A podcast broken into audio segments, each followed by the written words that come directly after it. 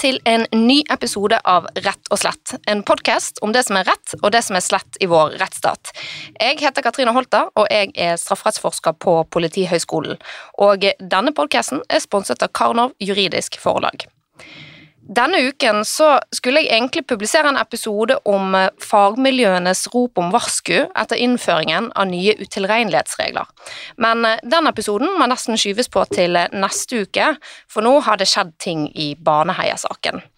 Og i dag så skal vi starte med den siste utviklingen her. Eh, og deretter så skal vi også komme inn da på pressens rolle i dekningen av Baneheia-saken. Og til dette så har jeg fått med meg en medieekspert, som også er en av skaperne bak TV 2s podkast om Baneheia. Uh, litt seinere i episoden så vil òg en gammel kjenning av Rett og slett bli med oss i studio, og han skal hjelpe oss å forstå hva som rettslig sett er de mulige veiene videre i Baneheia-saken. Jeg, eh, til nye lyttere så har jeg for øvrig lagd to episoder om Baneheia tidligere, som dere kan gå tilbake igjen og lytte på. Dagens eh, første gjest er ingen ringere enn Svein Tore Bergestuen. Han jobber til daglig som rådgiver i eget kommunikasjonsfirma. Han er forfatter av flere bøker, og han er nok eh, kjent for mange fra podkasten Tut og mediekjør, som er en podkast om presseetikk. Bergestuen har eh, hatt et kritisk blikk på medienes rolle i dekningen av Baneheia-saken. Velkommen til Rett slett, Svein Tore. Tusen takk. Hvorfor ble du engasjert i Baneheia-saken? Ja, det skyldes ganske enkelt at jeg leste boka til Bjørn Olav Jahr. Um, I forkant av det så var jeg like sikker som alle andre journalister og alle andre mennesker på at Viggo Kristiansen var 100% skyldig, at han var et uh, monster. Og jeg hadde ikke snudd meg tilbake siden jeg selv dekte uh, Baneheia-saken som programleder i rundt år 2000. Og jeg har vel sagt til Baneheia-podkasten at det var ekstra sterkt. Eh, jeg fikk en datter eh, bare noen måneder etter drapene i Baneheia. Så jeg gikk Fikk denne saken så veldig tett på kroppen, um, og ble selvfølgelig like sjokkert og opprørt som alle andre i Norge. Men det festet seg nok veldig, um, og jeg har bare sett på denne mannen som altså Kristiansen, og for så vidt Anne Helge Andersen, men, men, i samme lys som alle andre, nemlig at Kristiansen er det store monsteret, mens Jan Helge Andersen diltet etter. Og det, det synet og den, hele den forståelsen fikk et alvorlig skudd for baugen da jeg leste boka til Bjørn Olav Jahr. Mm, jeg tror det var startpunktet for mange sin kritiske tenkning rundt denne saken. Eh, hvordan har du jobbet med Baneheia? Nei, da jeg leste den boka, så, så tok jeg et valg. Skal jeg liksom behandle den boka som resten av Presse-Norge? Og hvordan var det? Nei, nærmest ved skuldertrekk og ikke ønske den boka. Eh, den ble jo utrolig slett anmeldt av både retts, såkalte liksom rettseksperter og, og, journalister, så da ble jeg ekstra forbanna. Eh, så da tenkte jeg da må jeg finne ut av det. Så jeg fikk eh, av, på ulike måter tilgang til alle sakens dokumenter, i hvert fall de aller mest sentrale, og så begynte jeg å lese meg opp, og holdt på med det i mange måneder. Og da var konklusjonen min at Bjørn Olav Jahr stiller betimelige spørsmål, og jeg hadde lyst til å gjøre det samme. Så begynte vi å lage en Eller så skrev jeg en, en, en kronikk i VG eh, som heter Tok vi feil? Hvor jeg stilte alle de ubehagelige spørsmålene til meg selv, egentlig. Eh, og den fikk jeg voldsomme reaksjoner på, negative reaksjoner, at jeg kunne stille det spørsmålet. Jeg mistet venner på det. Altså, jeg kunne, Oi, sitte, kunne sitte, i uh, sosiale lag og, og, og, få beskyldninger om å hva er det du holder på med, skal du forsvare barnemordere? Sånn at det, det var en det var ganske sånn Ja, det sier noe om Det er bare noen år siden vi hadde den holdningen.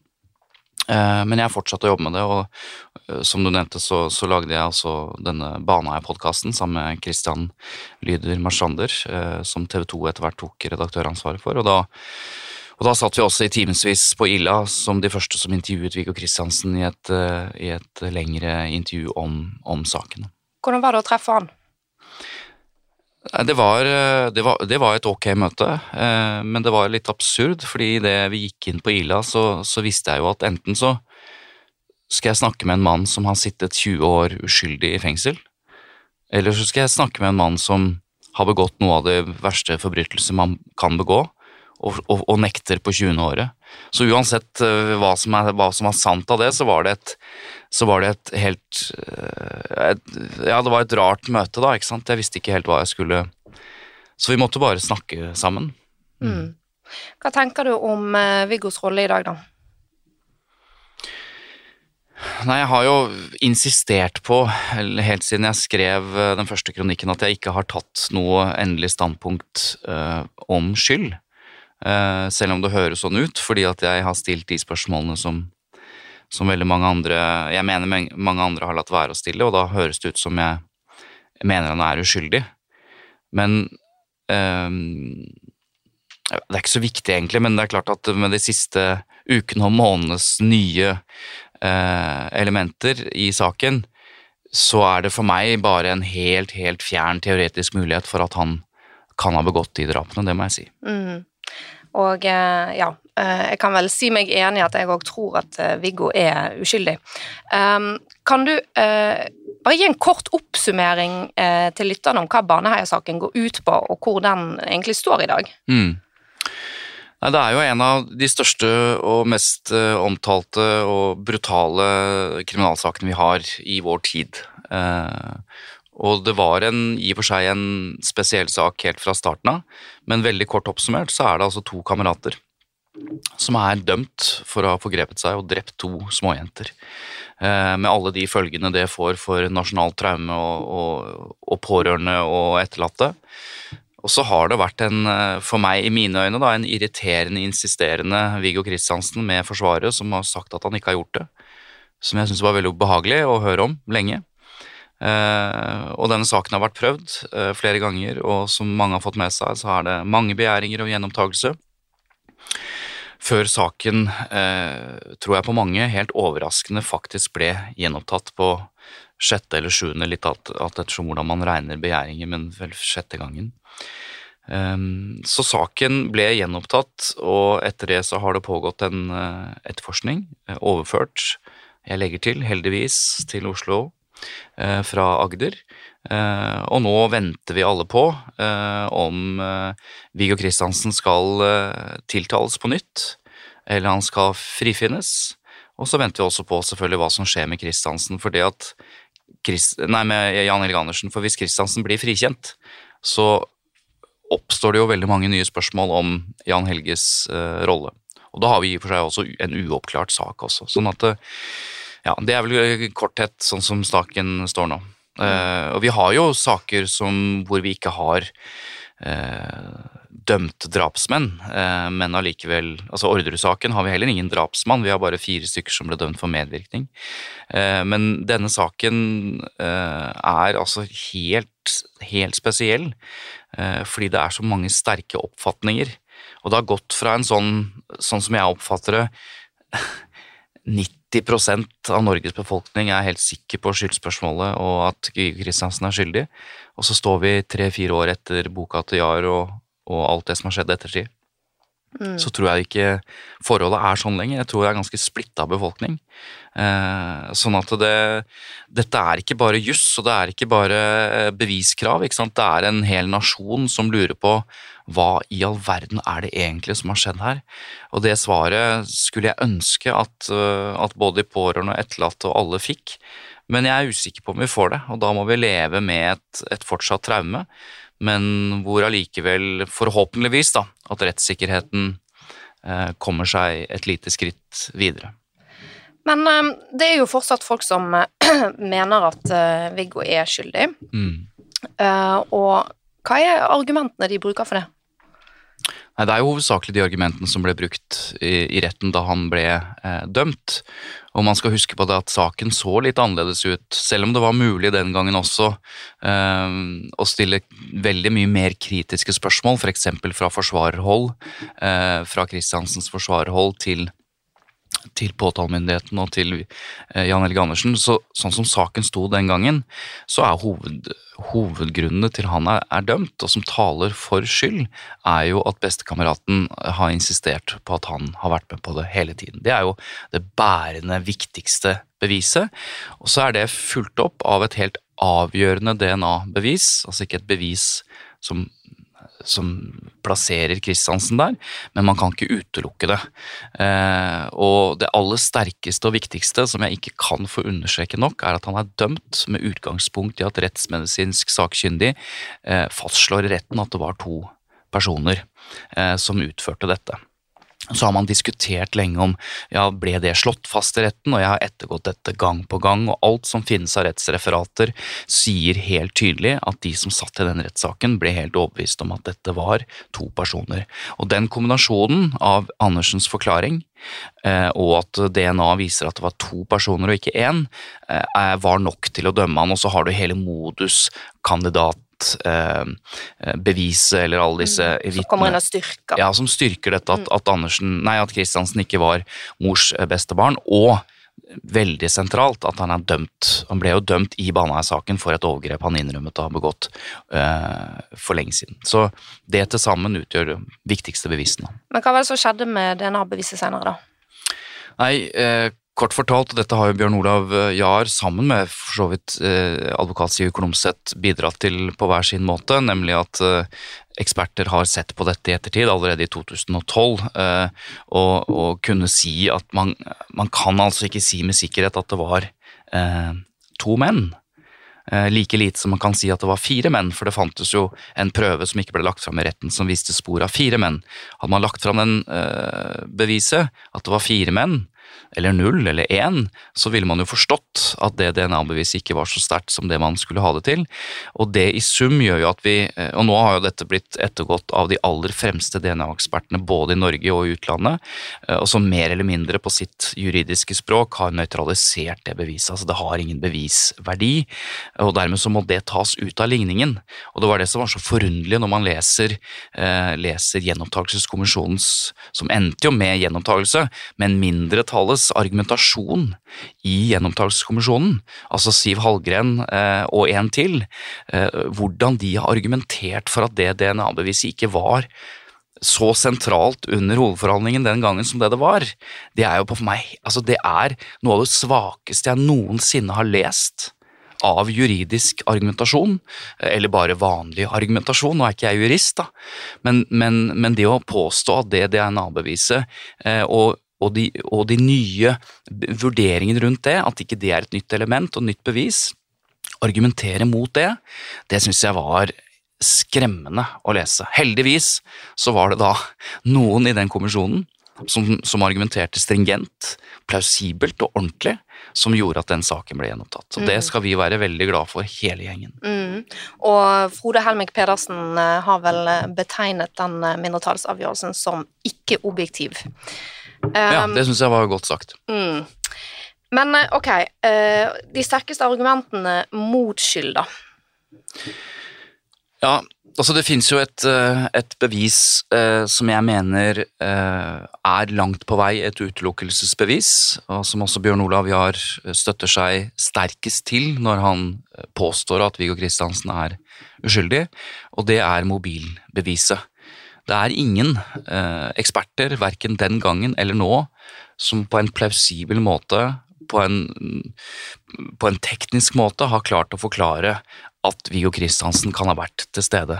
Altså, jeg snur på det, fordi at eh, dette beviset sier rett og slett at mannen som sendte disse tekstmeldingene og mottok disse tekstmeldingene, kan ikke ha vært på åstedet. Hadde dette vært et mobilbevis i 2015, eller i dag, i 2022, så er det ikke noe tvil om at det beviset hadde vært det sterkeste beviset som taler for uskyld, og antakeligvis hadde i seg selv vært utelukkende.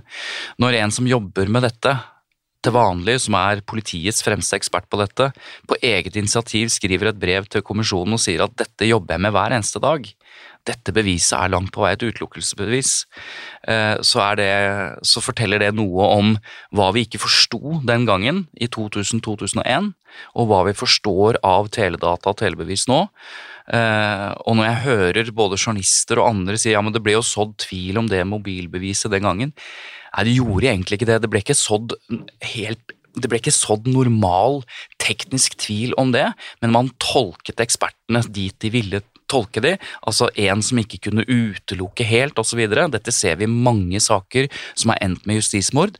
At man går på dette kan ikke utelukke, og dermed så setter man det opp som en sannsynlighet, sånn som man gjorde i Baneheia-saken, og så forsvinner bevisverdien eh, fra et bevis mobilbeviset, som er veldig, veldig sterkt. Ja, og da har man snudd hele utgangspunktet i strafferetten på hodet. For ja, det, det, skal jo være bevist utover enhver rimelig tvil, ikke at det ikke kan utelukkes. Nei, men det er klart at uh, dette kom, og dette har Bjørn Olav Jahr også skrevet om, dette kom på et tidspunkt i rettssaken, helt den siste eller nest siste dagen, jeg husker ikke helt, og, og man ser jo det, og dette er det Frode Helmik Pedersen har gjort så elegant, ikke sant, han har jo tatt for seg liksom forklaringene i byretten og lagt de oppå hverandre, og, og så ser han at dette er rett og slett, dette oppfyller ikke bevis beviskrav. Altså Dommen i seg selv er riv ruskende gal på dette punktet. De har ikke klart å forklare det. Eh, og i lagmannsretten så gjorde man det samme man gjorde i Fritz Moen-saken.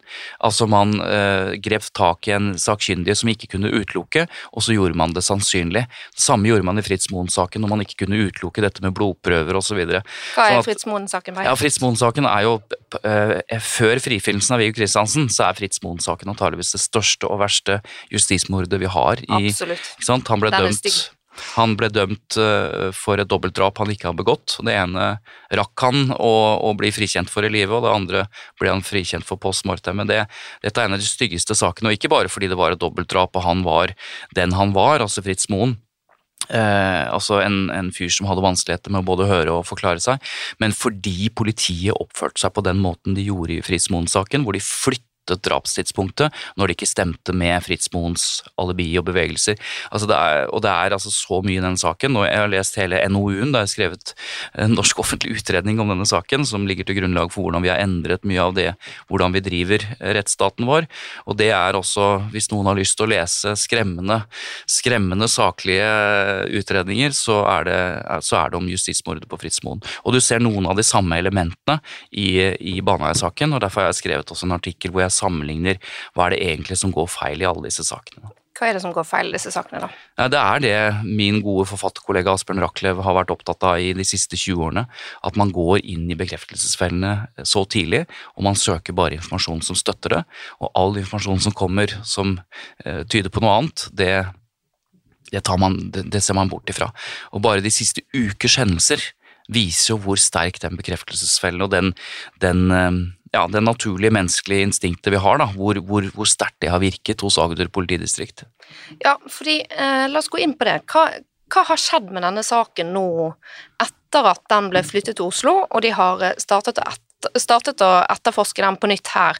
Altså, vi har fått, eh, Det har jo vært en del drypp ut fra den etterforskningen som for så vidt eh, er usikker på hvor mye av det politiet har gått ut og aktivt bekreftet, men de har i alle fall ikke avkreftet det. Mm. Så vi har jo fått eh, dannet oss et bilde av hva det er som skjer bak kulissene til eh, en viss grad, iallfall. Ja, det viktigste som har skjedd, er at etterforskningen er flyttet til, eh, til en tid til en generasjon politietterforskere og til et sted hvor man ikke har eh, noe historie. Eh, og Det betyr at man har gått inn i dette, sånn som politiet i dag går inn i, eh, i saker, med helt, et helt åpent sinn. Og man tester alternative hypoteser, og man ser på denne saken med friske øyne. Det er det viktigste som har skjedd. Og da kommer det jo resultater. Ja, og det virker jo også som at Viggo er veldig fornøyd med den etterforskningen som har vært gjort eh, i ja, Oslo. Det hadde jeg vært òg, hadde jeg vært Viggo Kristiansen. For det, det, skal han prise seg lykkelig for, at det er noen som har gått gjennom alt dette på nytt. Og det viktigste som har skjedd, eh, det er jo at man har eh, klart å knytte Jan Helge Andersen til begge jentene med DNA-spor. Uh, og, og, man har presentert det, denne, dette beviset for ham i nye avhør. Og da ser man jo hva som skjer. Uh, dette er jo kjent fra kriminallitteraturen. ikke sant? At presentert for informasjon som du tidligere har nektet på, eller du har en historie ikke sant, som handler om at du bare har så vidt forgrepet deg på den ene jenta fordi du ble tvunget til det, så kommer det DNA-spor på begge jentene, ikke bare ett sted, men mange steder. Og så kommer denne teorien om blackout. Ikke sant? At da må jeg ha hatt blackout. Og dette mm. ser man jo i veldig mange saker. Problemet med den teorien er at den full, mangler fullstendig forskningsmessig belegg, og derfor er jeg veldig glad for at også Ja, altså at man kan ha blackout fra en sånn uh, alvorlig hendelse. Ja, det er en av de største mytene. Sammen med løgndetektortester så er det en av de største mytene i kriminalhistorien at det går an å ha et slags selektivt blackout. At du kan liksom begå kriminelle handlinger, og så plutselig ikke huske noen ting fra det. Det sier forskerne, og dette er jo skrevet altså Se på metastudiene på forskning på dette, altså summert opp alle forskningsartiklene, så finnes det ikke grunnlag for å si at du kan få et slags selektivt blackout, at du bare ikke kan huske. Eh, og det er viktig, og dette syns jeg har vært bra av journalistene i de siste året også, at man har vært mye mer på. og Med en gang Jan Helge Andersen i avhør har sagt at det, jeg må ha et blackout, så tester man det hos de fremste fagekspertene som sier at ja, det er bare tull. Ja, ikke sant. Men det har også vært flere ting som har kommet frem nå ja, eh, det siste Ganske sjokkerende ting, egentlig, syns jeg. Mm. Som jeg ikke var klar over heller. Etter å ha uh, lest de fleste av sakens sentrale dokumenter, så dukker det faktisk opp helt nye ting. Og kanskje det mest, det som har satt en størst støkk i folk nå, tror jeg, det er jo at uh, at Jan Helge Andersen Det kommer fram at han ble anmeldt for en voldtekt som skal ha skjedd før Baneheia-saken. Eh, anmeldelsen kom i 2009, men voldtekten skal ha skjedd. Eh, og så skal man understreke at dette var en anmeldelse, han ble aldri tiltalt eh, for det. Eh, annet fordi politiet mente han var mindreårig, men dette var også, offeret var også mindreårig. Ganske sentralt i en sånn sak at den opplysningen i hvert fall er kjent. Spesielt når denne kvinnen blir trodd av de instansene hun søker hjelp hos, nemlig Erstatningsnemnda, som mener det er eh, stor sannsynlighet, eller overveiende sannsynlig at hun faktisk har blitt voldtatt, og at Andersen, de har også uttalt seg om Andersen, at det er stor sannsynlighet for at han har begått dette som hun har fortalt. Og når dette ikke disse opplysningene er kjent for Agder politidistrikt, og de ikke kommer med i noe som helst eh, dokumentasjon når denne saken begjæres gjenopptatt gang etter gang. Og ikke bare kommer de ikke med, men når Agder politidistrikt eksplisitt skriver at det ikke finnes noe informasjon om at Andersen kan ha begått overgrep eller vært truende mot andre, så er det jo eh, så, lang, altså så nærme en skandale. Eh, bare dette ene punktet. Det? Altså for det, det, vi vet, er at uh, statsadvokaten har skrevet det til uh, Gjenopptakelseskommisjonen. Mm. Uh, og så har leder av Gjenopptakelseskommisjonen, Siv Hallgren, uh, gått ut og, og, egentlig kritisert statsadvokaten for at de har skrevet det. Og så har statsadvokaten gått ut og kritisert Agder for at ikke de har fått informasjon om dette. Det er så mye som brenner på dass, og det er så mye som skjer i den saken her nå, at, at, at, at sånne ting skyves nedover systemet, det jo, dette ser vi jo i alle sammenhenger når, når det virkelig begynner å brenne. Eh, jeg syns det er interessant at Siv Hallgren velger å gå ut eh, og kommentere det. Bra, for så vidt. Ja, det er som Ivar Fasing sier i dette intervjuet med TV 2, også Ivar Fasing, som dere kjenner godt, og som er en av de absolutt fremste ekspertene på etterforskning, at uh, da ett av to uh, skjedd, da, enten har de ikke visst det, og det er en skandale uh, i seg selv, jeg vet ikke om han bruker akkurat de ordene, men det er det han mener. Eh, eller så har de visst og ikke eh, viderebrakt det, og begge deler er forferdelig, så la oss håpe at de har vært helt i mørket her. For, for alternativet er nesten for ubehagelig til å tenke på. Så har Spesialenheten eh, gått ut og sagt at ikke de har funnet grunnlag for å starte noe etterforskning av hva som har skjedd her. Det tenker jeg også er ganske uheldig for Agder politidistrikt sin del, for hvis ikke de har gjort noe galt, så hadde det jo vært fint om noen objektive øyne så på det. Mm. Jeg tror vi kommer til å se når denne saken eh, legger seg, eh, og vi får en avgjørelse i en eller annen retning, så tror jeg, eh, eller jeg håper og tror og regner med at det blir en fullstendig gjennomgang av Agder politidistrikt og statsadvokatembetet i Agder sin håndtering av denne saken.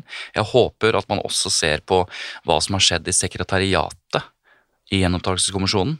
Ikke behandlingene i selve kommisjonen, men sekretariatet. Vi skal være klar over at de samme folkene som har sagt nei til denne saken hver eneste gang, er de samme folka som fortsatt sitter her i dag.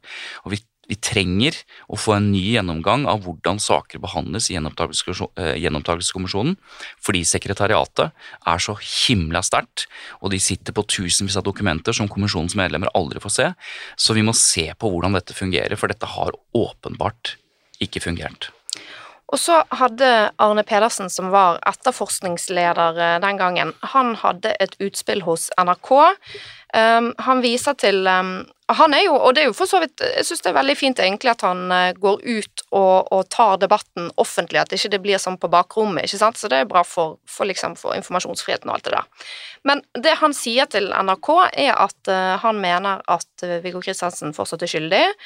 Um, han viser til at Viggo tidlig sa at han ikke hadde vært i barneheia på den fredagen, og så går han tilbake til politiet etterpå og retter på den opplysningen etter at et vitne har gjort han oppmerksom på at, uh, at, han hadde sett Viggo den dagen. Mm. Uh, og mener, Arne Pedersen mener også at Viggo har gitt Jan Helge alibi. Han hadde sagt Han sa først at Jan Helge kom til han klokken halv åtte, noe som sammenfaller med drapstidspunktet, og det kan jo umulig stemme, siden Jan Helge har innrømmet å ha vært med på dette. Eh, og det er jo heller ingen tvil om at han har. Eh, og så er det dette argumentet med DNA fra to gjerningsmenn. Og så viser han også til at eh, Jan Helge var en rotekopp. Det vises til bilder fra soverommet hans, som er fryktelig rotete, mens Viggo Kristiansen sitt rom er veldig ryddig. Mm. og da passer ikke det, altså at Jan Helge, når han er en sånn rotekopp, så passer ikke det med åstedet som var så ryddig eh, ryddet etterpå. Mm. Um, ja, og så innrømmer jo egentlig også Arne Pedersen eh, kjennskap til en sak med overgrepsanklager fra 2009, men han mener at det var, eh, det var jo ikke noen viktig sak, for der var det ord mot ord, og det, ingenting kunne bevises. Og han sier da til NRK at det er ingen grunn til at saken burde nevnes for påtalemyndigheten i forbindelse med gjenåpning. Um, ja, så hva, hva tenker du om dette utspillet? Nei, Hva tenker lytterne? tenker jeg, fordi at uh, Når du leser dette, så høres det nesten ut Det var derfor jeg måtte nesten flire. altså, um, Men, det, men altså, det, det, som kjennetegner Arne Pedersens argumentasjon i dette brevet, i alt jeg har lest siden han ledet etterforskningen, er at han helt konsekvent ikke forholder seg til hva som har skjedd etter 2001. Enten leser han det ikke, eller så leser han det sånn som han leser apropos bekreftelsesfeller, han støter vekk informasjon som som utfordrer ditt, ditt, syn, men han forholder seg ikke til DNA-beviset sånn som det står i dag. Han klamrer seg fortsatt til at det var to menn, forholder seg ikke til at, at beviset er nøytralisert. Han driver fortsatt og snakker om at Viggo Kristiansen, eh, etter å ha snakket med et vitne, endrer forklaring. Ja, det er helt riktig. Det han ikke sier, er at, at Viggo Kristiansen uoppfordret i politiavhør sier at vet du hva, jeg må ha tatt feil. For jeg snakket med noen på byen som forteller meg at de så meg der, så jeg må ha sagt feil. Det at vitner tar feil av tidspunkter, klokkeslett, datoer, enten de er tiltale, mistenkte eller vitner, det er jo Les Svein Magnussens vitnepsykologi, så ser du hvor jævlig dårlig vi er til å huske. Og vi, det kan jo ikke være sånn at fordi, fordi at tiltalte er dårlig til å huske, så skal det tale mot dem sånn helt automatisk. Men hvis vitner ikke husker, så bare forstår vi det, for det er vanskelig å huske.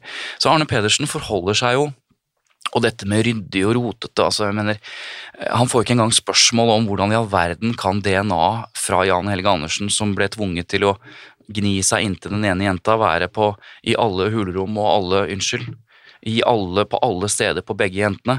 Hvordan forholder Arne Pedersen seg til det? At det fortsatt ikke finnes et eneste DNA-spor fra Viggo Kristiansen. Hvordan forholder Arne Pedersen seg til at forklaringen til Jan Helge Andersen i avhør nå skal visstnok være at hans DNA må ha smittet over ved hjelp av Viggo Kristiansen? Altså det er, det er noen teorier her, og det er noen påstander som som jeg tror vi bare må sette på kontoen for at eh, Arne Pedersen er en mann som er ansvarlig for antageligvis det største justismordet siden Fritz Moen, og det er naturlig at han kjemper sin kamp. Og det syns jeg for så vidt er helt menneskelig, eh, og det må være greit, for så vidt. Og det må være greit at pårørende ikke forholder seg til nye opplysningene. Det må være greit at foreldrene til Birgit Tengs i den saken ikke klarer å forholde seg til at virkeligheten snur, det er dypt menneskelig, og det må vi ha respekt for. Men at politiet og presse ikke klarer å snu seg, det er en helt annen fortelling. For det må vi klare. Mm. At, at, du, at, mennesker som er så nært på, ikke klarer det, det må vi forstå. Kan ikke forlange det. Men vi kan forlange mer av etatene våre og av institusjonene våre enn det vi har sett i den saken her. Mm. Og så tror jeg òg det er viktig at, uh, at, ansvaret må ligge hos institusjoner, ikke hos Altså at ikke vi må legge det til enkeltpersoner, da. Absolutt. Uh, fordi det, man skal på en måte ja, ha en viss uh, Altså man bør ha en arbeidsgiver i ryggen, og det har jo kanskje vært Altså for å si det sånn, etterforskning har jo utviklet seg siden den gang. Ja, heldigvis. Ja. Og så er det jo denne erstatningsutbetalingen, sant? vi var inne på det i sted. Altså den um, Jeg tenker at det er viktig å legge til da at uh, selv om uh, den informasjonen om den erstatningsutbetalingen ikke har kommet til gjenopptakelseskommisjonen sine uh, sin, kjennskap, sin mm. kunnskap, at de ikke har fått kunnskap om den, så tenker jeg at det er viktig å holde fast ved at det har jo vært veldig mange andre gode grunner til å gjenoppta saken til Viggo Kristiansen. Så det er ikke sånn at liksom dette skulle være det helt avgjørende beviset. Det er jo, Denne erstatningsutbetalingen vil jo for så vidt Altså, det vil være en uh, informasjon som, som, styrker et argument om at også Jan Helge Andersen kan ha eh, trekk av å være en moduskandidat, ikke mm. sant? For det er jo Viggo Kristiansen anklagen for, og det er jo for så vidt noe man kan diskutere, og som vi også gjorde i en tidligere episode av Rett og slett, der vi var inne på hele denne altså påstanden om at Viggo var en moduskandidat. Er det i det hele tatt rimelig å hevde? Men ja. ja. jeg er helt enig. og denne saken, det, det, blir rart nå hvis det blir en slags etterrasjonalisering fra kommisjonens side, f.eks. ved Siv Hallgren sier ja, ok, når vi vet dette,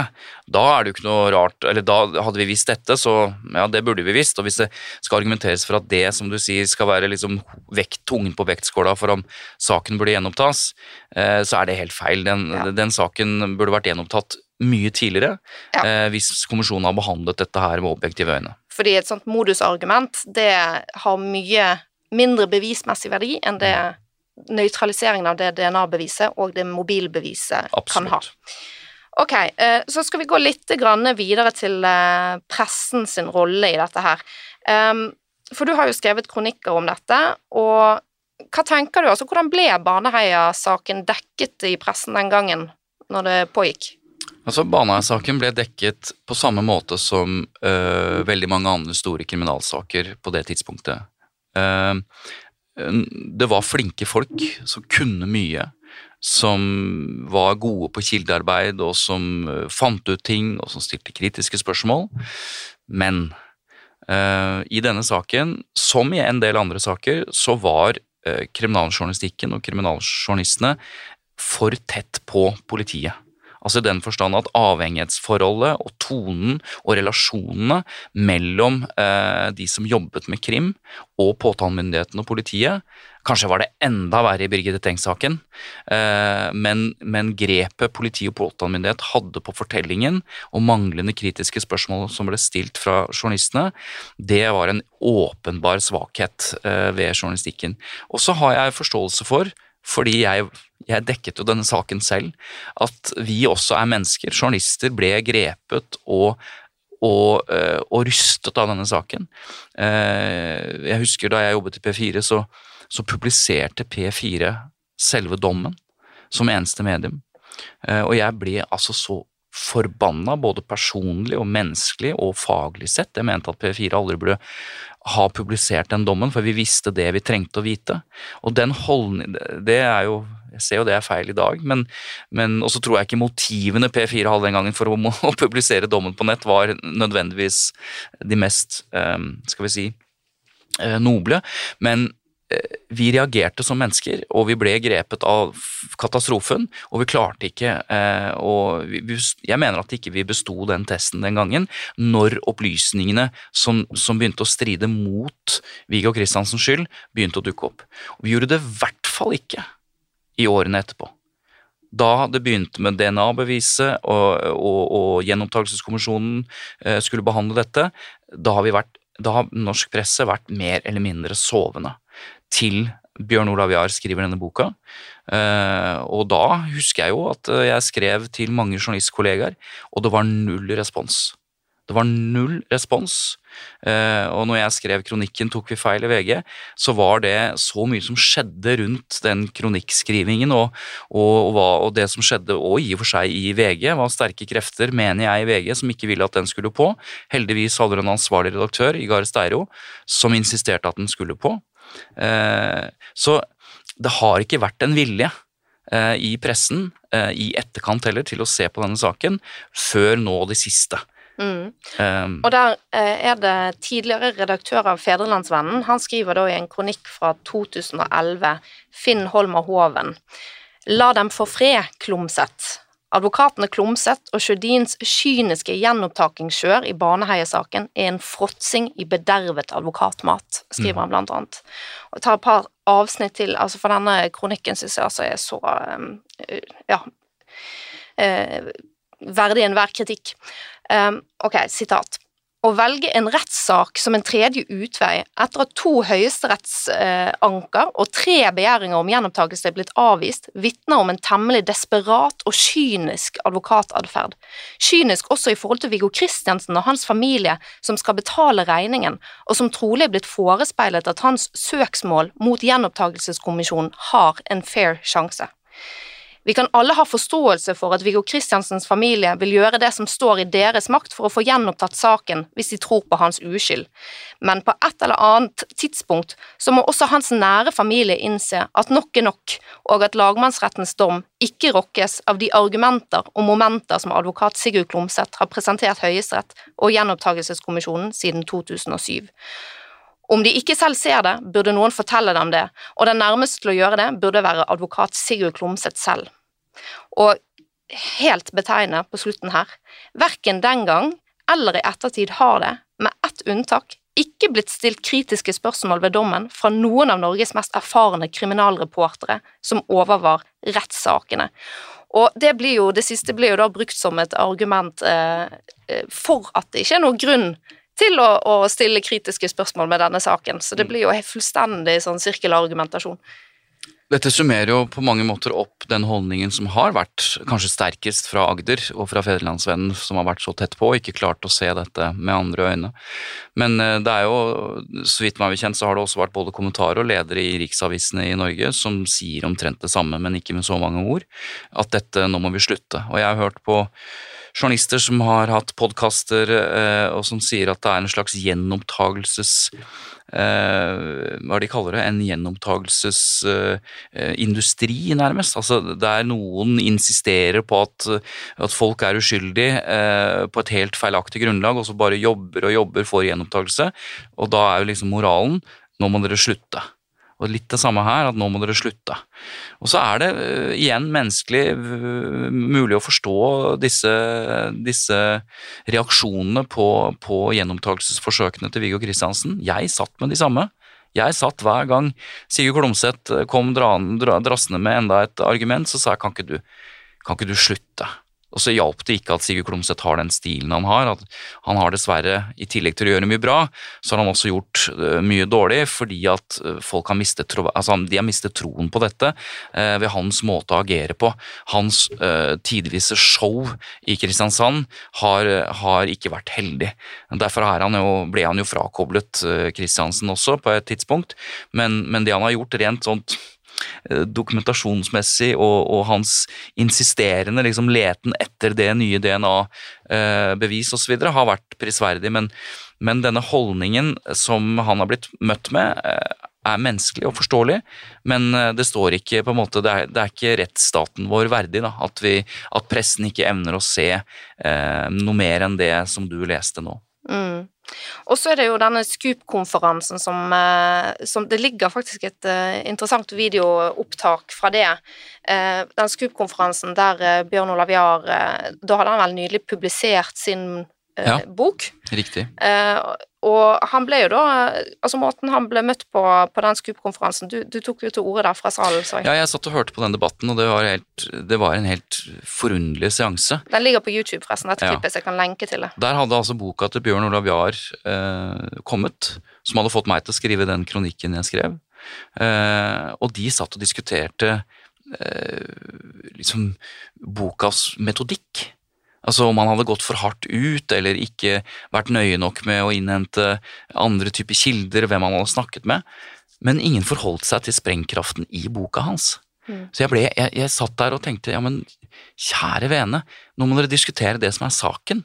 Og så reiste jeg meg, for vi hadde dagen før hørt fantastisk foredrag av, av eh, Dan Josefsson, som er den svenske journalisten som har vunnet priser, og som er bejublet både i Sverige og Norge for, for Thomas Quick-saken, for Kevin-saken. Og så sa jeg rett og slett på slutten av det, den debatten, så sa jeg altså her sitter vi og hyller Dan Josefsson, og så sitter vi på scenen med Bjørn Olav Jahr og kritiserer han for fotnoter. Altså, det er bare helt absurd. Eh, så ble det da også et slags vendepunkt, oppfatter jeg, at, at arbeidet til Bjørn Olav har fått en helt annen eh, type anerkjennelse. Og i dag vet vi jo at hadde det ikke vært for, for den boka, så tror jeg vi hadde stått et helt annet sted mm. i dag. Og han ble jo kritisert for å være for bombastisk, fordi at han da konkluderte med at eh, ja. Viggo Kristiansen var uskyldig. Men det gjorde han i, i Tengs-saken og Tengs-boka si òg, og det var det ingen som reagerte på. Uh, han, var vært, han var tydelig på premissene der også, men i denne saken så gikk ikke det. Mm. Og da reagerte til og med journalistene. Ok, Og så er det jo dette bildet som TV 2 publiserer fra retten. Altså Nå er vi egentlig tilbake igjen i den gangen, da. Mm. Uh, men de publiserer jo et bilde i strid med egentlig regler. Så du skal ikke ta bilder fra, fra de, av de tiltalte når de sitter i retten. Det er vel uh, regulert i Er det regulert i domstolsloven? Ja, eh, så det skal man jo ikke gjøre, og det velger jo TV 2 likevel å gjøre, for de syns det var så viktig å få dokumentert at Viggo flirer idet dommen faller. Mm. Hva tenker du om det? Altså at man fraviker den type Ja, For det første, det jeg tenker, er at uh, det du sa, er jo det folk oppfatter. At han flirer idet han får dommen. Han gjør jo ikke det. Uh, det bildet er jo tatt uh, ved straffeutmålingen, og ikke selve dommen. Når han får dommen, så flirer han ikke. Han er knust. Men på det tidspunktet så, hvor man tar dette bildet, så, så Ja. Man, altså dette vet vi jo fra psykologien.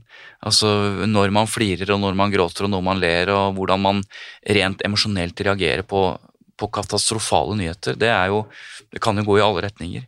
Så men så mener jeg altså rent sånn De vant jo fram i Høyesterett. TV 2 vant fram i Høyesterett. Ja, for dette ble en sak som gikk eh... ja. Uh, og rent presseetisk så mener jeg at det er problematisk, men jeg sier ikke uh, at det TV 2 gjorde nødvendigvis var galt, verken rettslig eller altså, sett i et ytringsfrihetsperspektiv eller presseetisk. Men det jeg vet, er at det fikk enormt negative konsekvenser for Viggo. Det fikk enormt mye stor betydning for hvordan man semanterte oppfatningen av dette monsteret, og dermed fikk det også enormt stor betydning for hvordan opinionen oppfattet Viggo Kristiansen. Så det bildet og den publiseringen, eh, denne videoen av han flirende eh, monsteret, eh, det har hatt enormt stor betydning, negativ betydning, når det viser seg at denne saken ikke var sånn som det vi trodde den var. Mm. Ja, og så tenker jeg at nå er det kanskje noen som frykter at pressedekningen vil bevege seg for langt i motsatt retning, altså med en massiv fordømmelse av Andersen. Hva tenker du om det? Det skal så mye til før den balansen tipper den andre veien. Vi har hatt nesten 20 år med eh, både dekning og skal vi si antidekning, altså ingenting, mot Viggo Kristiansen. Vi har hatt en tidligere prisvenner journalist, men nå forfatter, som har vært med på å snu denne saken, ikke journalistene. Så eh, for min del så kan vi holde på i 20 år til før vi får en noenlunde balanse i den saken. Og med det litt flåste sagt, så er det også sånn at eh, når påstander kommer om at mediedekningen er skeiv eh, til Kristiansens fordel, så blir jeg nesten sånn Jeg vet nesten ikke hvilke bein jeg skal stå på. Fordi det har altså vært en, en en ensidig dekning den andre veien i år etter år. Og hvis denne mannen blir frikjent, så, og har sittet 20 år uskyldig i fengsel, og kommer drassende med at eh, dekningen har vært til hans fordel. Mm. Altså, det er nesten, altså, det er jo en grunn til at det stilles kritiske spørsmål nå mot Jan Helge Andersen, for forklaringen hans holder jo på ingen måte vann lenger. Den gjorde ikke den gangen, mm. men det gjør i hvert fall ikke nå med de nye bevisene osv. Og, og nå, man ser jo også at nå er jo dekningen på en helt annen måte basert på, på fakta og kritiske spørsmål, ja. mens det tidligere var følelser og og ideologi. Og det er én ting vi ikke har vært inne på, som er, som er den store elefanten i rommet. Altså Noe av grunnen til at journalister har vært forsiktige, noe av grunnen til at mange har vært forsiktige, det handler ikke bare om sakens alvorlige karakter. Det handler om at det har vært pårørende på, altså pårørende til jentene som har vært ekstremt sterke med Ada Sofie Austegård i spissen i offentligheten og i, eh, under overflaten i offentligheten, som har eh, ja, gått veldig langt hele tiden for å holde denne saken nede. Eh, og jeg har snakket med masse redaktører og masse journalister som syns det er utrolig vanskelig å ta i denne saken fordi det går utover de pårørende. Uh, og dette har jeg tenkt mye på, og jeg har i alle mine Baneheia-podkaster tatt det forbeholdet. Jeg vet at dette er belastende for de pårørende osv. Her har vi tippet over. Vi har tatt for mye hensyn til det. Det kan jeg si rett ut. Vi har fått tatt for mye hensyn, og det høres jo helt kaldt ut, fordi kan man ta for mye hensyn til pårørende som har opplevd dette? Ja, i hvert fall når det går ut direkte over rettssikkerheten til et annet menneske. Og så har vi jo glemt at det finnes pårørende. Når jeg sier pårørende til deg, så tenker du på, selvfølgelig på familien til jentene. Jeg tenker ikke på familien til Viggo Kristiansen. Det er også pårørende. Så denne saken, vi har hatt en berøringsangst i denne saken, delvis på grunn av alvorligheten, fordi vi ikke skal øde... Eller vi skal ikke eh, gjøre det verre og bære sten til byrden for de pårørende. Og rippe opp i. Nettopp. Og delvis fordi Ada Sofie Austegård i spissen med sin eh, utrolig eh, viktige arbeid i Stine Sofie-stiftelsen, så har det, det har forsterket berøringsangsten. Journalister har blitt personlige venner med henne. Du har redaksjoner som får telefoner fra eh, Stine Sofies stiftelse hele tiden med trykk på at dette må dere ikke ta i. Mm. Og det har skadet hele denne Det som kunne vært, en, mener jeg, en tidligere erkjennelse av at vi er på ville veier. Uh, og det er det ingen som sier. Ingen tør å si det, fordi at det er en belastning bare å si det. Jeg sitter og ser på Ivar Fasing som endelig på en måte kaster seg inn i denne saken som ekspert, og han begynner på samme måte som alle andre at, man, at dette er en kjempevanskelig sak, vært vanskelig å gå inn i det. Og når folk sier det, så handler det ikke bare om, eh, om selve handlingen. Det handler om hensyn til de pårørende. Og der tippet vi over. Vi har ikke gjort jobben vår.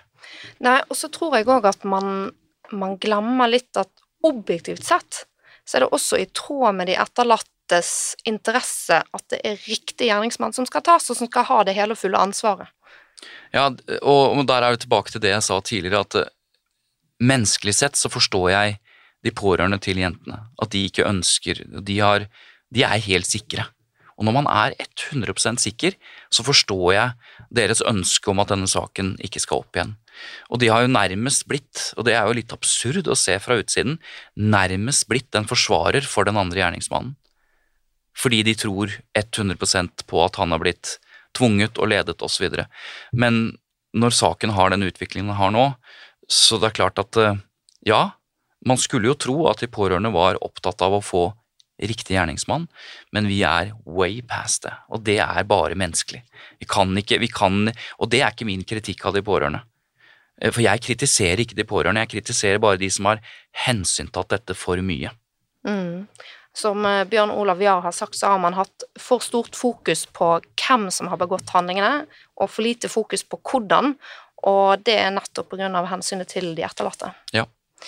Ok, vi, eh, du skal videre, så vi nærmer oss eh, avslutningen for eh, din del. Og så skal jo denne episoden foregå en stund til, for jeg skal snart få inn Morten Holmbo i studio. Ja, og Det blir kjempespennende, for jeg også lurer veldig på hvor den saken her går herfra, rent juridisk. Ikke sant? Men før vi kommer til mm. liksom, den avsluttende spalten for denne del, den kommer jo da litt tidlig siden du skal gå da, i episoden, men før vi kommer til den, så bare lurer jeg på om er det sånn at det blant journalister hersker en for stor tillit til at rettssystemet er ufeilbarlig, og at det på en måte går utover den kritiske sansen på rettssystem. Fordi jeg syns at det er Jeg syns at det er mye Altså, det er jo veldig mye krimjournalistikk å finne i Mm. avisene, ikke sant? Men det som jeg savner, og som har vært en av til En av de tingene som har motivert meg til å lage denne podkasten, er jo den litt mer sånn systembaserte journalistikken, altså den som ser systemet etter i sømmene. Mm. Den har liksom Den drukner litt. Eh, Det finnes eh, hederlige unntak, men, eh, men Jeg er helt enig. Ja. Altså, én ting er å dykke ned i saker som har kommet, som er til behandling i gjenopptakelseskommisjonen. Mm. Uh, men hvorfor ikke se på saker idet de går for domstolene? Det skjer mye der som er kritikkverdig, også, og et større fokus, også fra journalistene, på ehm, systemfeilene, justisfeilene, mangel Retten til på betalt forsvarer, for eksempel. ikke minst det som skjer i første og andre rettsinstans. Et sterkt eh, søkelys på det savner jeg eh, i, eh, av kriminaljournalistikken. Og da tenker jeg ikke bare på eh, Vi dekker jo saker. Eirik Jensen-saken er dekket herfra til evigheten. Men jeg snakker om veldig mange av de andre sakene som ikke har den type. Eh, ja. Mm. Der, i de vanlige rettssakene. Jeg savner journalister som går systematisk inn, eh, fordi det er for lite Jeg mener at det finnes myter blant dommere, påtalemyndigheten fortsatt, som ikke er forskningsbasert. De ser på vitner på mistenkte, på tiltalte i retten, på en måte som er eh, forskningsmessig avleggs. Eh, du kan lese dommer som er ganske ferske, hvor man kommenterer troverdighet hos tiltale, tiltalte. Eh, basert på, eh, på oppfatninger som burde vært, som burde vært liksom død og begravet. Mm. Altså sånne ting, må- Måten han reagerer på tyder på at han kan ha gjort dette osv. Mm. altså, Og det har jo vi snakket om tidligere, også i rett slett om denne forskjellen mellom troverdighet og plausibilitet, ikke Ja. sant? om troverdighet og pålitelighet. Og, og jeg, har, jeg har nettopp lest ferdig boka til, til, til, til eh, eh, Hjort, eh, som har skrevet om troverdighet i rettssalen, basert på den case-studien og den doktorgraden hun har tatt om Orderud-saken.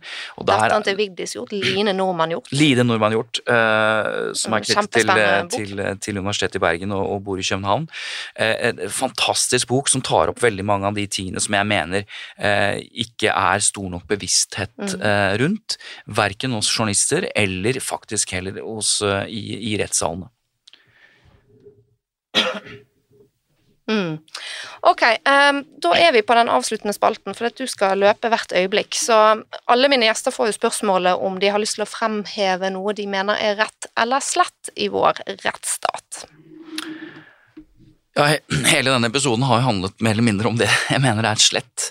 Eh, Men hvis jeg skal konkretisere det, så, så mener jeg at ehm, Og jeg er sikkert påvirket av, av min medforfatter Asbjørn Rakle, men, men eh, kompetansen om eh, f.eks. vitnepsykologi hos påtalemyndighet er for lav. Så vi har ferske saker som viser at påtalemyndigheten ikke i tilstrekkelig grad er klar over eh, og har nok kunnskap om vitnepsykologi eller beslutningsfeller, som jeg mener burde vært kommet inn på et mye tidligere tidspunkt, både i utdannelse og holdt levende i en, en diskusjon i, i rettsstaten Norge. Politiet har en annen type opplæring nå enn de hadde før, men, det, men både det å stille gode spørsmål og det å ha kunnskap, forskningsbasert kunnskap om vitnepsykologi og beslutningsfeller, eh, eller bekreftelsesfeller, det, det er noe av det som jeg savner eh, i rettsstaten. Og så er det mye som er veldig bra. Vi har en veldig, veldig bra rettsstat, vi må ikke glemme det. Når jeg fokuserer på de sakene som jeg har gjort de siste tre-fire årene, så er, det jo, så er det jo de sakene eh, som har gått feil. Vi har en, en, eh, en veldig, veldig bra rettsstat, vi må ikke glemme det. Mm. Eh, er jo ikke en del av det obligatoriske pensumet på jusstudiet, men det er et valgfag, i alle fall i Oslo. Det er helt forunderlig, spør du meg. Ok, du skal få løpe av gårde, og jeg skal hente inn Morten i studio. Takk for meg. Faste lyttere av podkasten kjenner dagens andre gjest fra flere episoder av Rett og slett. Morten Holmboe er jurist og professor i politivitenskap på Politihøgskolen, og han er en av mine nære kollegaer. Det er veldig kjekt å ha deg med igjen i podkasten, Morten. Takk for at jeg fikk komme tilbake. Du, eh, la oss begynne med det scenarioet som jeg nok mener at er minst sannsynlig her fremover nå. Altså at eh, påtalemyndigheten etter den nye etterforskningen mener å kunne bevise utover enhver rimelig tvil at Viggo Kristiansen er skyldig. Hva skjer da? Da må påtalemyndigheten rett og slett gå til retten med en uh, tiltalebeslutning som da blir den samme realiteten som den som uh, sto for lagmannsretten i 2002.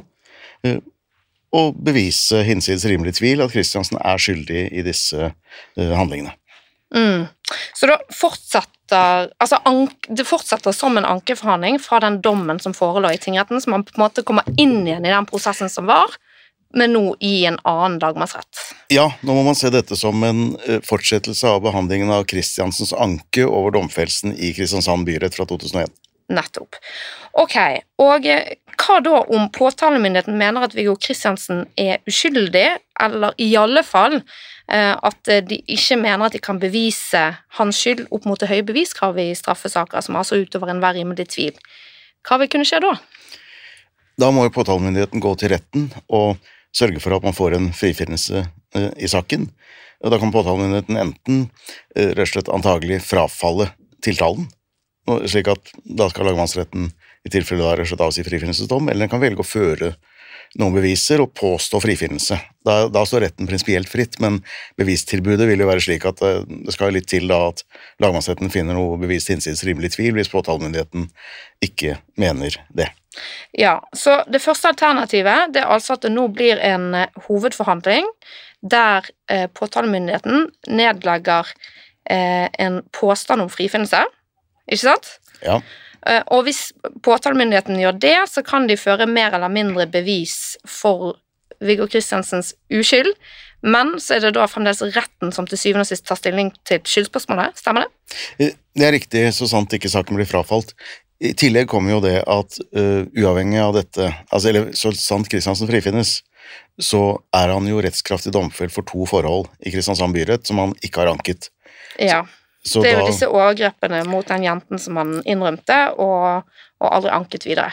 Så akkurat, Og så er det ett eh, mindre forhold, en fredskrenkelse, som ja. han også er domfelt for. Stemmer. Eh, men det er jo dette overgrepet som eh, han jo har erkjent og beklaget, som da fortsatt er mm, det er domfellelse for, og da følger det av loven at da må jo lagmannsretten i så fall regne, regne, seg, eller finne ut hva er riktig straff for den, for de to straffbare handlingene ja, de som han har eh, blitt straffet for, og som han innrømte, og som han ikke anket videre. For der, her er det da altså en særregel, sant, altså at, at eh, hvis du da skal eh, avsi frifinnelse for bare noen av de postene i en ankeforhandling, altså du har tidligere fått en felles straff for alt dette her, så må man ta stilling til hva skal være straffen for de forholdene som som man nå ikke skal frifinnes for, ikke sant? Nettopp, fordi byretten fastsatte en fellesstraff på 21 år, for den fant han skyldig i alt sammen. Ja. Uh, lagmannsretten, hvis den i 2002 hadde frifunnet ham, så måtte den gjort akkurat det samme. Så det må jo, det må jo fastsettes en, en straff. Men selvfølgelig har han sonet i så fall veldig mye mer enn den straffen som kan være aktuell for de, ja. for de overgrepene. Og hvorfor er dette viktig at man gjør det? Altså fordi folk tenker jo sikkert nå at ja, men han har jo allerede sonet for mye uansett. Ja, For det første er det jo rent prinsipielt at de fornærmede i disse sakene skal det jo fastsette en straff og si hva er rettssamfunnets på en måte vurdering av, det, av, dette. Av hvor alvorlig det er i form av en sanksjon? Ja, for straffutmåling er jo øh, også annet en kommunikasjon til samfunnet. Ja. Uh, og for det andre så vil det ha en praktisk betydning, fordi at uh, han har jo hvis han blir frifunnet for Baneheia, i Baneheia-saken, så har han jo selvfølgelig sonet betydelig lenger enn det han skulle. Men hvor mye det vil ha betydning Oversoning, ikke sant? Eh, nettopp. Så hvor mye vil jo ha betydning bl.a. for hvilken erstatning det kan bli snakk om. Ja, Så vi ble rett og slett nødt til å finne ut hva er straffen for de forholdene som han har innrømmet og allerede sonet for. Vi må likevel finne ut hva er straffen for de isolert sett, for å kunne ta stilling til en erstatning for oversoning. Eh, blant annet derfor, ja. ja. Ok, og i det andre alternativet som du var inne på, så vil altså påtalemyndigheten da frafalle forfølgelsen mot Viggo Kristiansen.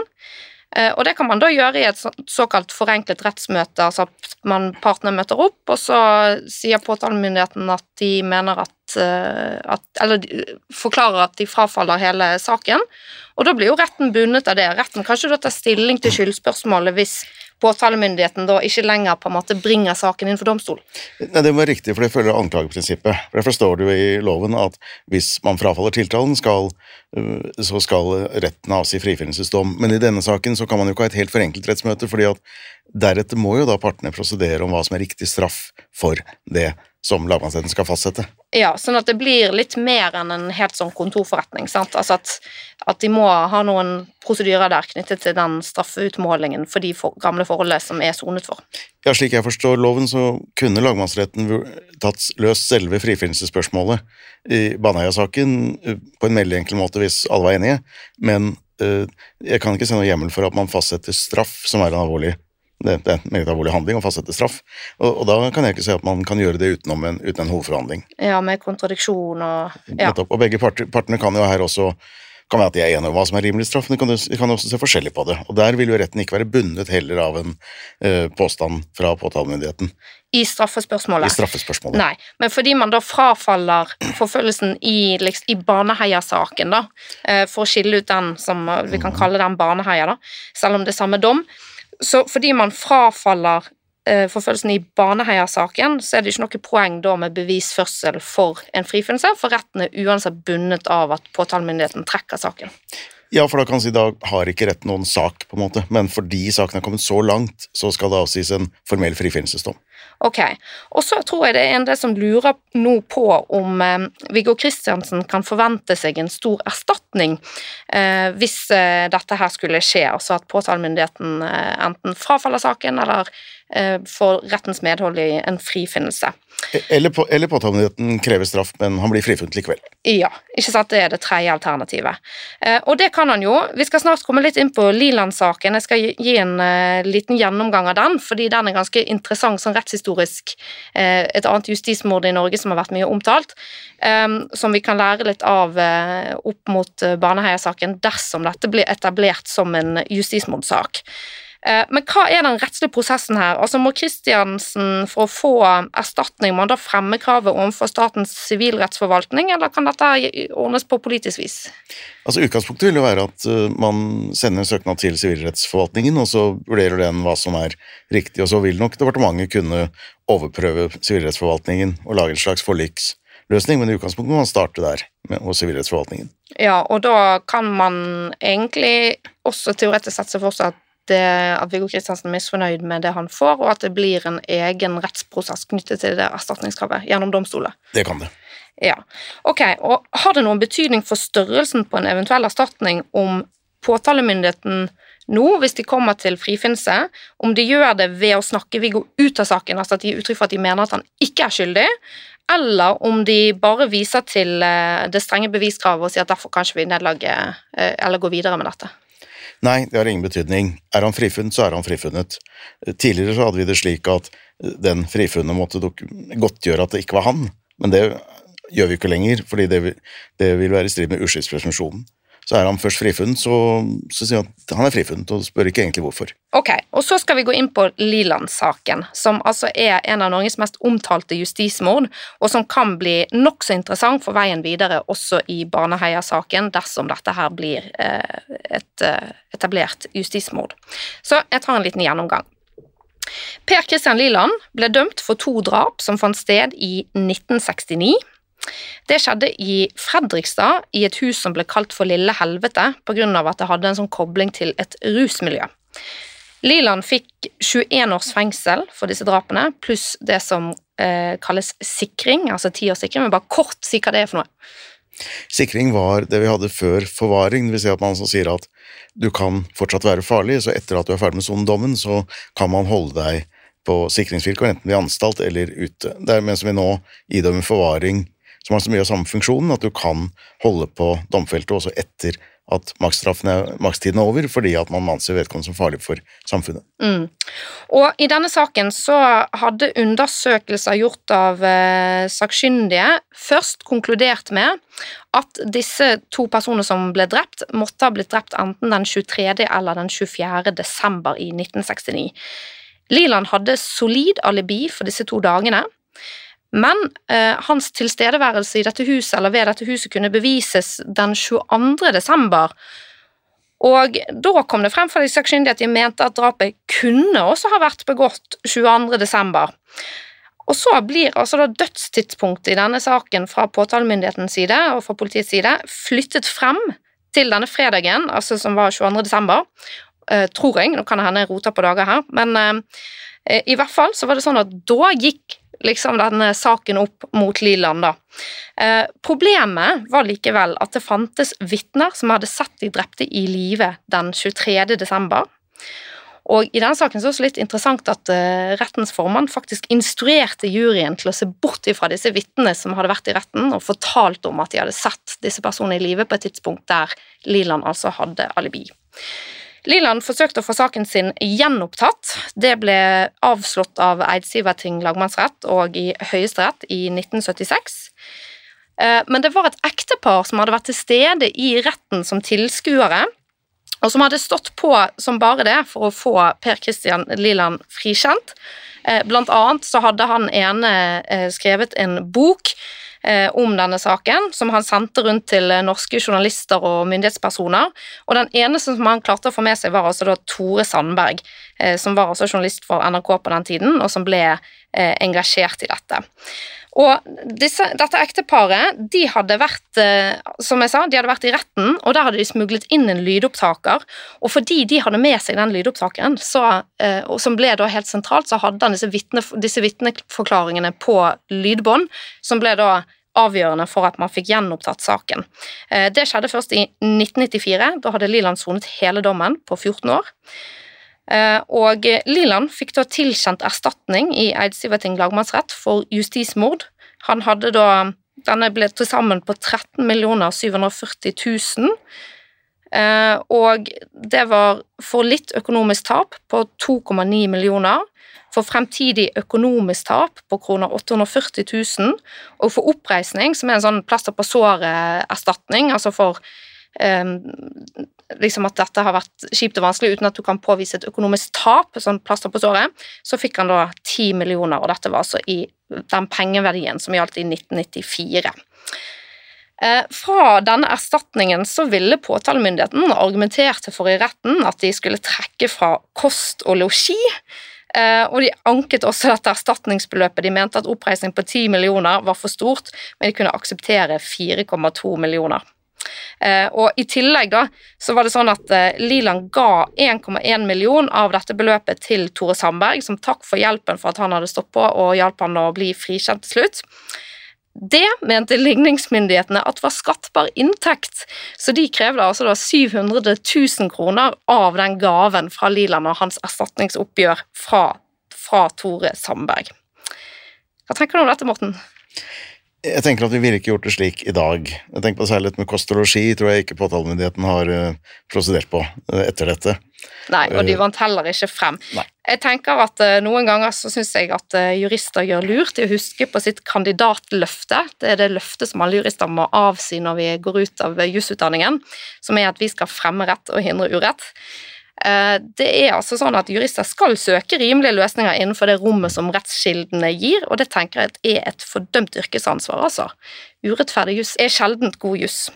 Men eh, denne saken ble gransket av et offentlig utvalg, og konklusjonen til dette utvalget var altså at etterforskningen hadde vært for ensporet. Statsadvokatens holdning til Liland var subjektiv og fordømmende og ikke preget av objektivitet, og rettsmedisinernes undersøkelser og uttalelser var til dels utilstrekkelige. Så Morten, hvilke lærdommer kan systemet ta med seg fra denne saken til en eventuell justismordsak i Baneheia?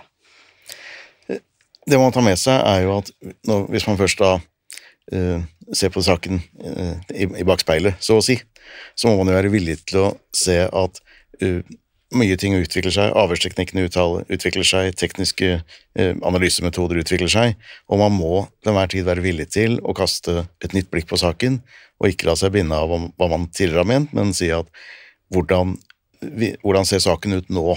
Ville jeg nå, som, som statsadvokat, tatt ut tiltale på det bevisbildet jeg nå har? Mm. Må, være, må være utgangspunktet. Ja, og så tenker jeg at han fikk jo da 13,7 millioner eh, i 1994-penger. Så erstatningen til Viggo Kristiansen, som også satt lenger inne, den må jo være betydelig høyere enn det i dag. Det tror jeg er ganske klart. Jeg skal ikke gjette på noe antall millioner, men det er både en, en lengre straff Han er, han er jo også Dobbeltdrapet i Fredrikstad var, var, forferdelig alvorlig, men det er klart enda mer alvorlig er det jo med to små jenter som blir drept. sånn at han har jo også fått et stigma som eh, kanskje en av de verste forbryterne vi har hatt på, på lang tid. Og alt dette vil nok bli tatt, bli tatt hensyn til hvis han eh, frifinnes og så søker erstatning. Ja, og så tror jeg også at denne, altså Liland-saken ble jo gransket, sant? det ble nedsatt et utvalg, og det kan jo også se for oss kan komme til å skje i Baneheia-saken eventuelt. Eh, det siste denne saken viser, er jo hvor viktig det er å gjøre lydopptak fra forhandlingene. Eh, her var det jo altså et ektepar som hadde smuglet inn lydopptakene og gjort det ulovlig, og det ble helt avgjørende for å få avklart eh, denne saken. Men det gjør man jo fortsatt ikke i retten i dag, for det er det ikke prioritert penger til. Ok, så skal vi gå over til Andersens rolle. Og vi har ikke så veldig god tid igjen, men vi skal eh, ganske raskt gå gjennom det også. fordi at det er nok òg en del som lurer på hva som kan skje med Andersen hvis påtalemyndigheten skulle nedlegge påstand om frifinnelse for Viggo Kristiansen. Eh, også for Jan Helge så skal jo tvilen komme han til gode. Eh, så vi kan jo da tenke oss at Kristiansen blir frifunnet, men det er ikke nødvendigvis sånn at Andersen derav er, uskyld, nei, der, derav er skyldig. ikke sant? Og Det er jo også veldig viktig å understreke at han er uskyldig inntil det motsatte bevist i en domstol. Um, men vi kan altså da tenke oss at Kristiansen blir frifunnet, men at det likevel ikke påtalemyndigheten mener at det finnes bevismessig grunnlag for å reise ny sak mot Jan Helge. Um, men hvis de mener at det er nok grunnlag da, for å tiltale Jan Helge på ny, hvordan må de da gå frem? Fordi han er jo frifunnet for det ene drapet, og det er jo en rettskraftig dom som ligger her. Det er riktig, han ble frifunnet i Kristiansand byrett for eh, det ene drapet som han var tiltalt for. Og hvis påtalemyndigheten mener å kunne føre bevis, så gode bevis at man kan straffe dem noen for dem, så må påtalemyndigheten da rett og slett gå til Gjentakelseskommisjonen og si at vi begjærer gjenåpning til skade for Andersen for dette. Ja, for det er helt nødvendig når det er en rettskraftig dom, så må du da få en sånn gjenåpning. sant? For du kan ikke da, Det er et viktig prinsipp i norsk strafferett da, at hvis du er rettskraftig frifunnet for noe, så skal ikke du Altså, Du skal ikke kunne straffes for noe som du er frifunnet for, eller straffes for det samme to ganger, f.eks. Eh, nettopp. Eh, med mindre man da eh, benytter den snevre adgangen til gjenåpning til skade, som ikke brukes ofte. Men det er i hvert fall det prosessen da man får, og da må kommisjonen, jo i hvert fall flertallet i den, være enig i at bevisene er så gode at denne saken bør gjenåpnes. Det har vi ett tilfelle av tidligere, en drapssak. Og, og så må jo påtalemyndigheten gitt Ja, der var det. Vil du bare kort fortelle om den? Det var en forferdelig drapssak i Larvik. En uh, jente som ble drept, og, og, den mistenkte ble først tiltalt og så frifunnet, men så pga. ny DNA-teknologi så klarte man å bevise at det var ham likevel, og den saken ble gjenåpnet mot ham, og han ble domfelt uh, mange år etter uh, handlingen og den første frifinnelsen. Ja. og hvis da Gjennomføringskommisjonen er enig i dette, så må jo påtalemyndigheten gå i retten, og det er da ikke til den samme retten som har vurdert Kristiansen sagt. Dette er da, vil da være en gjenåpning av Kristiansand byretts dom, og det vil si at det er en annen tingrett eh, som skal behandle den saken, og den tingretten er heller ikke bundet av selv, La oss tenke oss uh, hypotetisk sett at uh, lagmannsretten i Kristiansen-saken sa at det er helt klart han ikke kan være skyldig.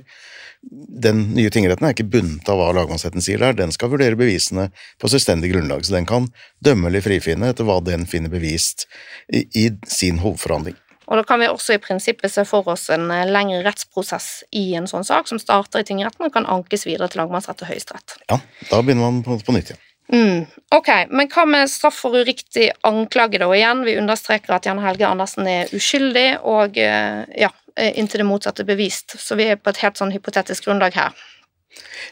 Hvis man forutsetter at han kan bevise at han uriktig har anklaget Kristiansen for noe som Kristiansen ikke har gjort, og det visste Andersen, så er jo Ja, for må være bevisst, sant? Være, ja, da må det være bevisst. Og, men det er klart at i denne saken er ikke det så vanskelig, for han, han kan neppe ha drømt at Kristiansen var der hvis han ikke var der. Så, men første spørsmål er jo den anklagen som da ble gitt i forbindelse med rettssaken i 2001-2002. Den vil være foreldet, for at i våre dager så er det maks ti års strafferamme for den typen. Ja, og foreldelsesfristen følger strafferammene. Ja, så det er ti års foreldelsesfrist på, på, den, og den, den gangen var, ville det vært 25 år, men det er da satt ned fordi vi har fått lavere strafferamme i ny straffelov. Fordi uh, Viggo Kristiansen anmeldte jo Andersen også for falsk anklage på et tidspunkt, uh, men det ble jo henlagt. Nettopp. Uh, og, og, det var jo for så vidt logisk så lenge man mente at Kristiansen var skyldig.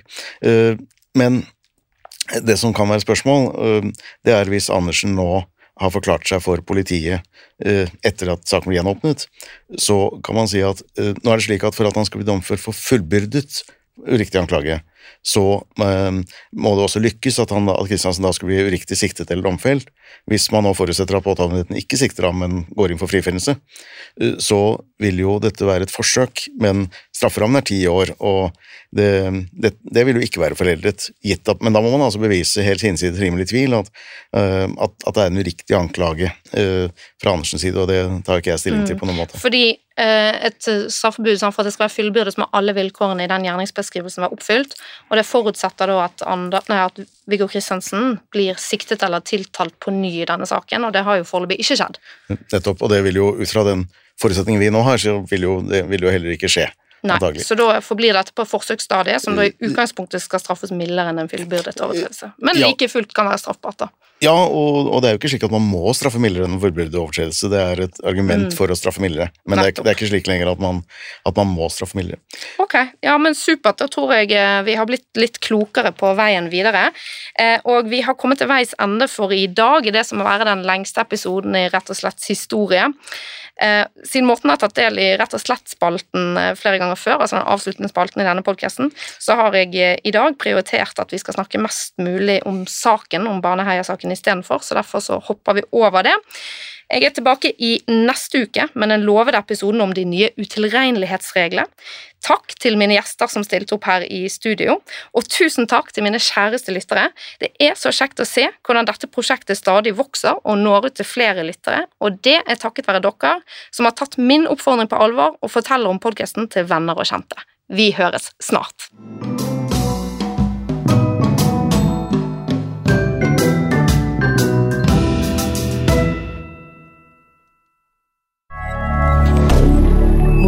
milliardaire